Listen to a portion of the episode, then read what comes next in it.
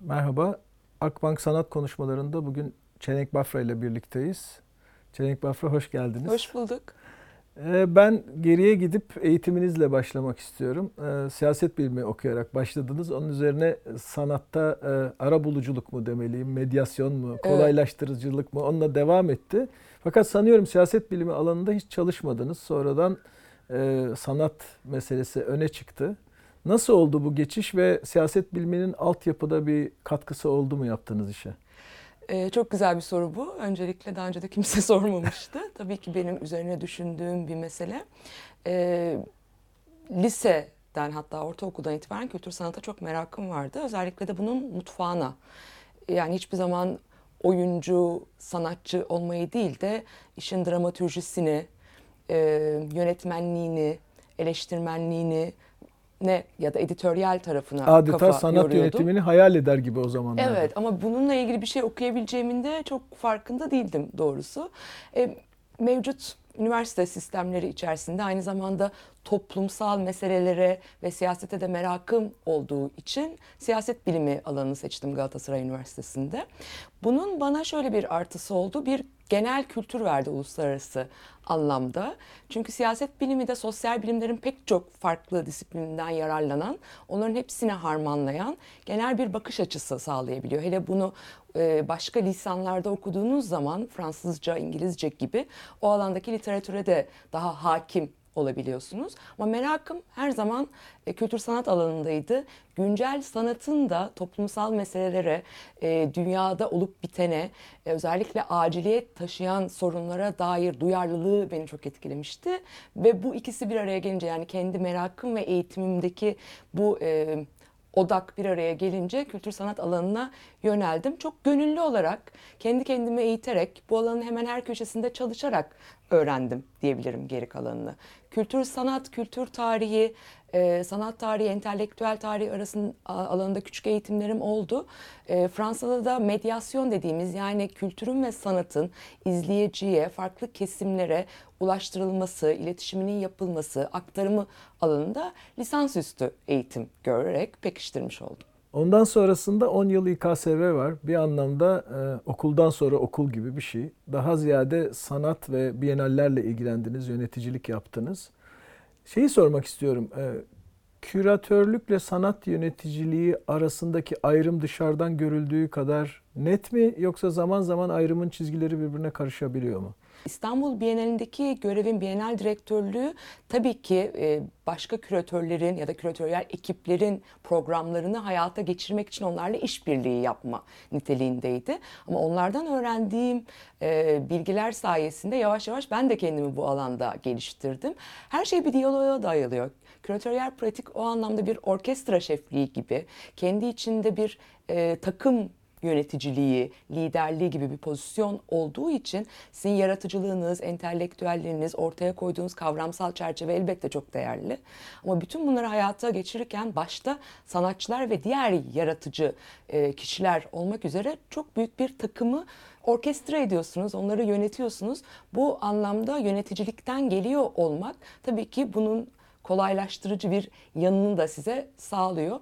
İkisinin arasındaki çizgi çok muğlaklaştı.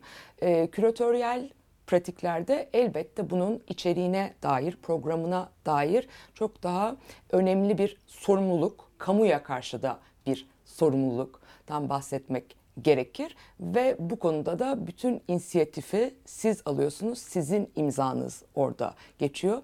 Bunun e, olumlu ve olumsuz yanları var bir taraftan da. Sahne önünde olan sizsiniz. O yıllarda tam 2019 2009 pardon 2010'da e, Fransa'da Türkiye mevsimi e, deneyimi diyeyim yaşandı ve e, o sırada Türkiye'nin onlarca yaptığı e, gezici sergi, etkinlik falan var yurt dışında ama Türkiye mevsimi en başarılı örnek olarak görülüyor. Sanat direktörü de sizdiniz. E, bu başarıyı hangi nedenlere bağlıyorsunuz? bunu sizin gibi uluslararası deneyimi olan birinden duymak çok güzel öncelikle. Ben sadece görsel sanatlar, güncel sanat alanındaki projelerin içeriğini oluşturdum ve yönettim. E, Nazan Ölçer sergilerden sorumlu e, komiserdi, komiser olarak adlandırılıyordu. İKSV'nin genel müdürlüğünü de hali hazırda yürüten Görgün Taner de e, bütün programın komiserliğini üstleniyordu. Komiser evet. tabii Fransızcası. E işte Fransız Türkiye mevsimi için komiser. Bizde başka komiser, yere kaçıyor. Evet. komiser olarak adlandırılıyordu. Ee, evet ben güncel sanat programlarını yürüttüm. Elbette benim yaptığım e, programda bir küratöryel olarak bir pratik vardı. Yani bütün programasyonu oluşturdum. Bazı sergilerin birebir özellikle Fransız küratörlerle birlikte küratörler çalışmasını üstlendim. Ama benim dışımda davet ettiğim ya da kendisi proje geliştiren başka program sorumluları, sanatçılar ya da küratörler de vardı. Ben onların katılımıyla bir program oluşturdum. Bunun başarısının sebebi eğer bir başarı varsa ortada şundan kaynaklanıyor olabilir. Bütün Türkiye sanatını temsil etmeye çalışan Fransa'da örneğin böyle bütünlüklü iddialı bir sergi ortaya koymadık. Böyle bir şey yapsak belki kısa bir dönem içinde olsa çok daha büyük ses getirebilirdi Türkiye sanatı Fransa'da gibi. Ya da çok devasa kurumlarla da çalışmadık. Ama bütün Fransa'da Fransa zaten desantralize olmuştur kültür sanat anlamında. Dolayısıyla Fransa'nın en küçük e, bölgelerinde dahi kültür sanat alanında oldukça yetkin, köklü kurumlar vardır.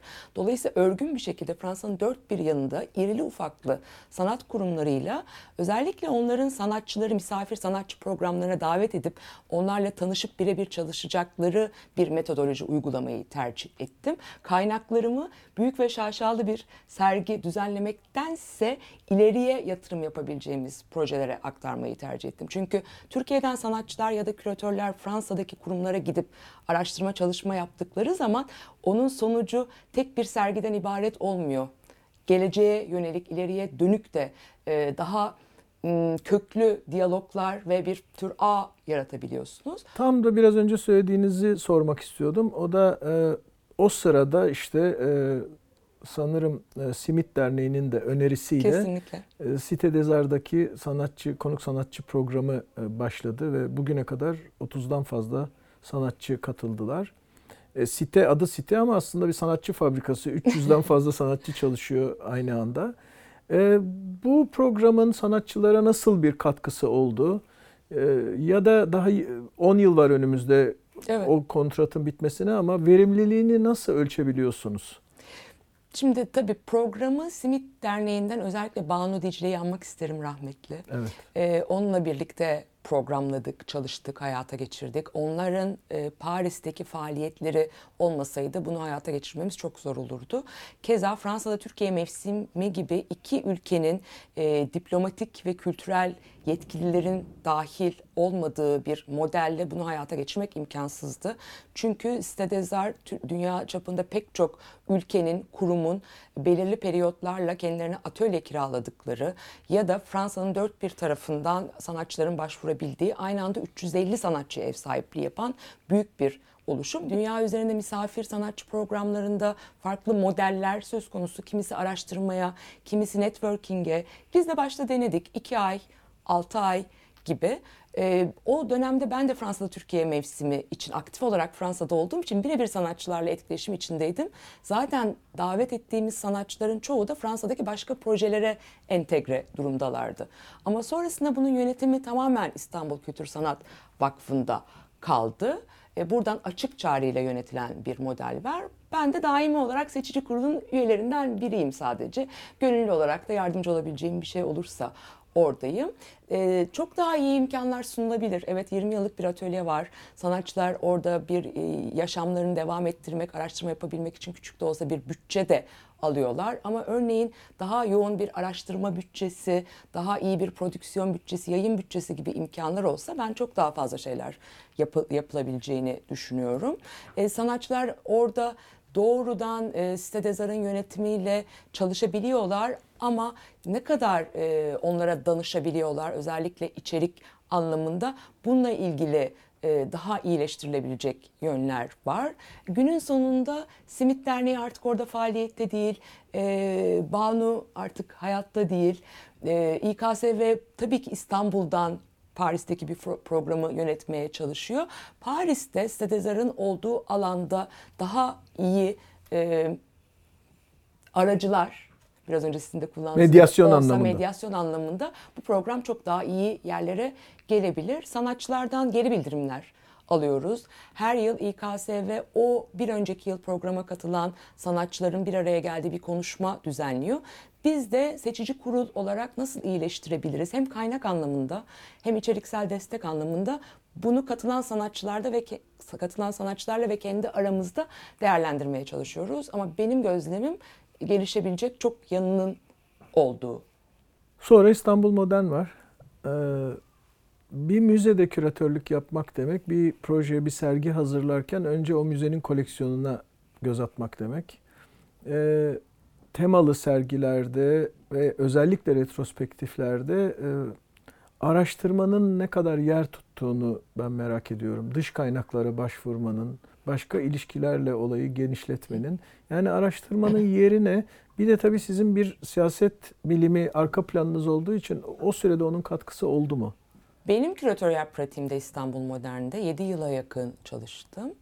Ee, hiç kişisel sergi yapmadım. Yani bu benim tercihim de değildi. Biraz ekip içinde bir paylaşım gibiydi de. Bir de ilgi alanım Bienal kökenli ya da böyle grup sergilerine, prodüksiyon sergilerine olan merakım, tematik sergilere olan merakım nedeniyle yerel ya da uluslararası grup sergileri. Dolayısıyla sizin tematik olarak adlandırdığınız sergileri araştırma fırsatım oldu. İstanbul Modern'e ilk gittiğimde şimdiye kadar hiç sürekli aynı mekanda sergi yapma deneyimine sahip olmadığımı fark ettim. Yani İstanbul Bienalinde zaten küratörlük yapmıyordum elbette ama biliyorsunuz ki kentin farklı mekanlarını her Bienalde sıfırdan keşfedip yeni mekanlar deneyimleme fırsatı buluyorduk. E, Fransa'daki, Türkiye'deki diğer küratöryel deneyimlerim de hep böyle farklı farklı başka kurumlardaydı. Beni çok heyecanlandırdı. Orada daimi bir mekanın, bir yapının olması ve sizin orayı yıl içinde farklı programlarla, sergilerle dönüştürüyor olmanız. Bu heyecan vericiydi benim için. Biraz mekana göre o araştırmamı yaptım. Yani sizin 1500 metrekarelik bir beyaz küpe mi sergi yaptınız? Kamusal bir alanda mı o sergiyi düzenlediğiniz? Küçük bir galeriye mi yaptınız? Elbette çok belirleyicidir. E, grup sergilerinde de o mekanın ölçeği benim araştırmam için önemliydi.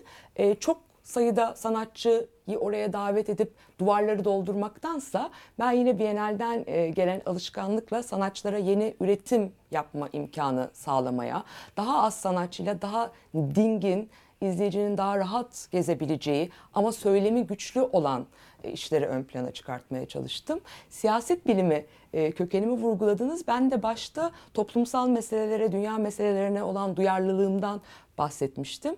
Bunun içinde tabii ki doğrudan siyaset bilimiyle ilgili yanlar var ama aynı zamanda kişisel olarak benim için çok önemli olan günümüzde de artık iyice aciliyet kazanmış mesele olan örneğin ekoloji, e, antroposen gibi e, meselelere dair duyarlılığım, ilgim böyle bir sergiyi önerebilmeme, müze yönetiminde desteğiyle uluslararası kapsamlı bir sergiyi hayata geçirmemize fırsat verdi.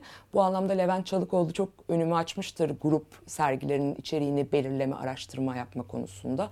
Onunla sıklıkla işbirliği yaptım. Aynı zamanda Paolo Colombo İstanbul Bienalinde geçmiş direktörlerinden ve uluslararası network'ü çok güçlü olduğu, olduğu için benim uluslararası alanda belli temaları, belli kavramsal çerçeveleri araştırmama çok katkısı olmuş ve birlikte küratörlük e, yaptığım isimlerden e, biri. Araştırma çok önemli. Ama müze küratörü olmanın şöyle bir dezavantajı var. E, avantajı ve dezavantajı diyelim. Sizin tabii ki bir m, hayatınızı e, nasıl e, yani bir maddi kaygınız olmuyor. Bir maaşınız var. Dolayısıyla evet oradan oraya koşturmanız gerekmiyor ama bunun yanında üstlenmeniz gereken çok fazla idari işte var orada tam zamanlı çalıştığınız için. Ne olursa olsun işin araştırma kısmı sizin fazla mesaide, hafta sonu evde, akşam bir yerde, seyahatte yapmanız gereken bir şeye dönüşüyor. Ee, müze küratörlüğü deyince sizin sanki bütün gün orada çok rahat araştırma yaptığınız, okuma yapabildiğiniz, işte yurt dışına gidip araştırma yaptığınız bu tarz imkanı ve zamana sahip olduğu e, düşünülürken gerçek aslında öyle değil. Bağımsız küratörlük de eş derecede zor. Çünkü bu sefer de farklı farklı alanlarda pek çok proje e, kurgulamanız, hayata geçirmeye çalışmanız, pek çok düşündüğünüz projenin yarı yolda tıkanması gibi size zaman kaybettiren dezavantajlar var. İlk sorduğunuz e, konuya gelirsem de müze koleksiyonu elbette benim için derin bir kaynaktı. Ama odağım hiçbir zaman e, benim davet ediliş biçimimde İstanbul Modern'de koleksiyondan yapıt seçme zarureti ya da sadece koleksiyon sergisi e, yapma mecburiyeti yoktu. Dolayısıyla tabii ki ilk başta ben bir konuyu, bir kavramsal çerçeveyi araştırıyorsam müzenin kendi koleksiyonuna bakıyordum. Çünkü en kolay, en rahat araştırabileceğim kaynak orası olduğu için. Yani gündüz Dr. Jekyll yöneticilik, gece Mr. Hyde küratörlük yapıyor gibi bir durum oluyor bir anlamda. E, biraz öyle. Biraz E, öyle. hariçten sanat e, bir radyo programı. Önce neden hariçten? E, siz e, gündemi, sanat gündemini Türkiye ile ilişkisi içinde izliyorsunuz. Biraz bizim Akbank Sanat konuşmalarında yaptığımız gibi. E, oysa radyoda söz uçar. E, böyle bir şeye nasıl giriştiniz? kendi ilgi alanımla giriştim. Ve de negasyonla giriştim. Yani kültür sanat programları var. Açık Radyo'da da var. Ee, ama ben Açık Radyo'yu dinleyenlerin birebir gidip göremeyeceği, e, Türkiye'deki kültür sanat gazeteciliğinin ya da sanat eleştirmenlerinin üzerine fazla yazamayacağı ve e, Türkiye'yi gezegenin geri kalanıyla yine Türkiye üzerinden bağlayabilecek bir içerik oluşturmak istedim. Bu beni şu anlamda da korudu. Bütün içeriği tamamen kendim seçiyorum. Bana hiçbir yerden bu anlamda bizim sergimizi yazar mısın e, ya da bizim sergimiz hakkında radyoda konuşur musun gibi bir baskı ya da teklif, rica diyelim gelmiyor. Çünkü ben diyorum ki ben hariçten sanat getiriyorum. Ana akımın dışında büyük ölçüde İstanbul'un hatta Türkiye'nin dışında ama Türkiye'yi açık radyoyu dinleyen, Türkçe konuşan e, insanları ilgilendiren içerikler sunuyorum. Örneğin uluslararası e, bir bienal ama ben onu Türkiye'deki bir meseleye bağlayıp inceliyorum veya Türkiye'den sanatçı ve küratörlerin katılımına özellikle odaklanıyorum. Sadece yurt dışında olması gerekmiyor e, benim gündemimin. Aynı zamanda hariçten dedim ya periferi olarak nitelendirebileceğim İstanbul'un haricinde Türkiye. Neden? Çünkü genelde biz Türkiye sanatı deyince İstanbul'u sadece hatırlıyoruz, biliyoruz. İstanbul'daki sergilerden, sanatçılardan bahsediyoruz. Halbuki İstanbul dışında da olup biten çok değerli e, oluşumlar, sergiler, projeler var. Onların sesini radyoya taşıyorum. Hariçten sanatın ya da açık radyonun programlarının şöyle bir özelliği de var. FM bandından sadece İstanbul'da dinleniyor. Evet ama günümüz teknolojileriyle internetten dünyanın dört bir yanından e, takip edilebiliyor. Diasporaya çıkmış olan ya da yurt dışına yerleşmiş olan kültür sanat çevrelerinden bununla ilgili çok iyi geri bildirim alıyorum. Yani kendilerini tekrar Türkiye'ye bağlı hissettiklerini, Türkiye'de ve Türkiye ile ilgili dünya çapında olup bitenlerden bu şekilde daha iyi haberdar olduklarını söylüyorlar. Aynı zamanda podcast olması, bunun bir arşiv ve bellek yaratması da benim için çok değerli. Evet, radyo geçici bir şey. 25 dakikalık, 30 dakikalık bir program yapıyorum her hafta. Ama podcast arşiviyle o orada kalacak ve belki de bir dönemin, iki buçuk üç yıldır programı yaptığını düşünecek olursa bir dönemin belleğini oluşturacak diye umuyorum. Farklı mekanlarda e, küratörlük yapmaya devam ediyorsunuz, farklı kurumlarda. Ama e, sanat yöneticiliğine geri döndünüz bir anlamda. E, koleksiyonerlerin, hayırseverlerin sanata ve sanatçıya destek olma amacıyla kurduğu sahayla. Bu yeni, yeni dönemde iki iş nasıl bağdaşacak birbiriyle? Önceliğim saha. olacak. Ağustos ayından beri e, çalışıyorum. Eylül sonunda devraldım direktörlük görevini. Önceliğim elbette saha olacak. Fırsat buldukça, vakit buldukça, kar amacı gütmeyen, şimdiye kadar hep yaptığım gibi kar amacı gütmeyen sergi ve programlarda küratöryel, editoryal e, görevler üstlenmeye devam edebileceğim elbette. Radyo programı devam, yazı yazmaktan vazgeçmek istemiyorum. Ve e, küratöryel deneyimimi ve sanat yönetimi deneyimimi zaten ikisi hep iç içe geçmiş bilgi ve becerilerdi. Sahada e, daha da güçlendirerek yeni şeyler e, yapmayı umuyorum. E, küçük bir şeye başladık bile bir yazı dizisine Türkiye'de bağımsız e, sanat yazarlığını desteklemek için sanat yazarlarıyla işbirliğimiz olacak. Bir misafir sanatçı programı başlatmak gibi bir niyet içerisindeyiz. Bunun kaynağını geliştirip programasyonunu yaparsak Türkiye'de de yine bir misafir sanatçı programı olsun ve bu uluslararası anlamda da uzun vadede bir cazibe merkezine dönüşsün, bir etkileşim yaratsın istiyoruz. Onun dışında ben saha kurulmadan öncesinden beri neredeyse takip edip onun misyonuna çok inanan biriydim. Çünkü e, bir grup hayırseverin diyelim, sanatseverin aynı zamanda bir araya gelip kendi isimlerinden vazgeçerek anonim bir yapı, bir dernek çatısı altında buluşup oluşturdukları kaynakları tamamen Türkiye'den sanatçıların, küratörlerin, bağımsız sanat inisiyatiflerinin Türkiye içinde ve uluslararası platformda yeni üretimler hayata geçirmesi için e, güçlerini birleştirmiş olmaları bence çok kıymetli. Pek de örneği olmayan, oldukça biricik olarak nitelendirebileceğimiz bir model. Sanatçıların misafir sanatçı programlarına katılımı, küratörlerin uluslararası platformda araştırma yap, yapabilmesi, yine sanatçıların e, yeni üretimler, Türkiye'den küratörlerin yeni sergiler ya da Türkiye'nin dört bir tarafındaki bağımsız sanat inisiyatiflerinin sürdürülebilirliğine dair fonların ortaya çıkartılması, keza sanat yayını, özellikle sanatçıların monografileri ya da sanat yazısı, e, yazını alanındaki destekler çok kıymetli. Akbank Sanat Konuşmalarında bugün Çelenk Bafra ile birlikteydik. Çelenk Bafra teşekkür ederiz. Ben teşekkür ederim.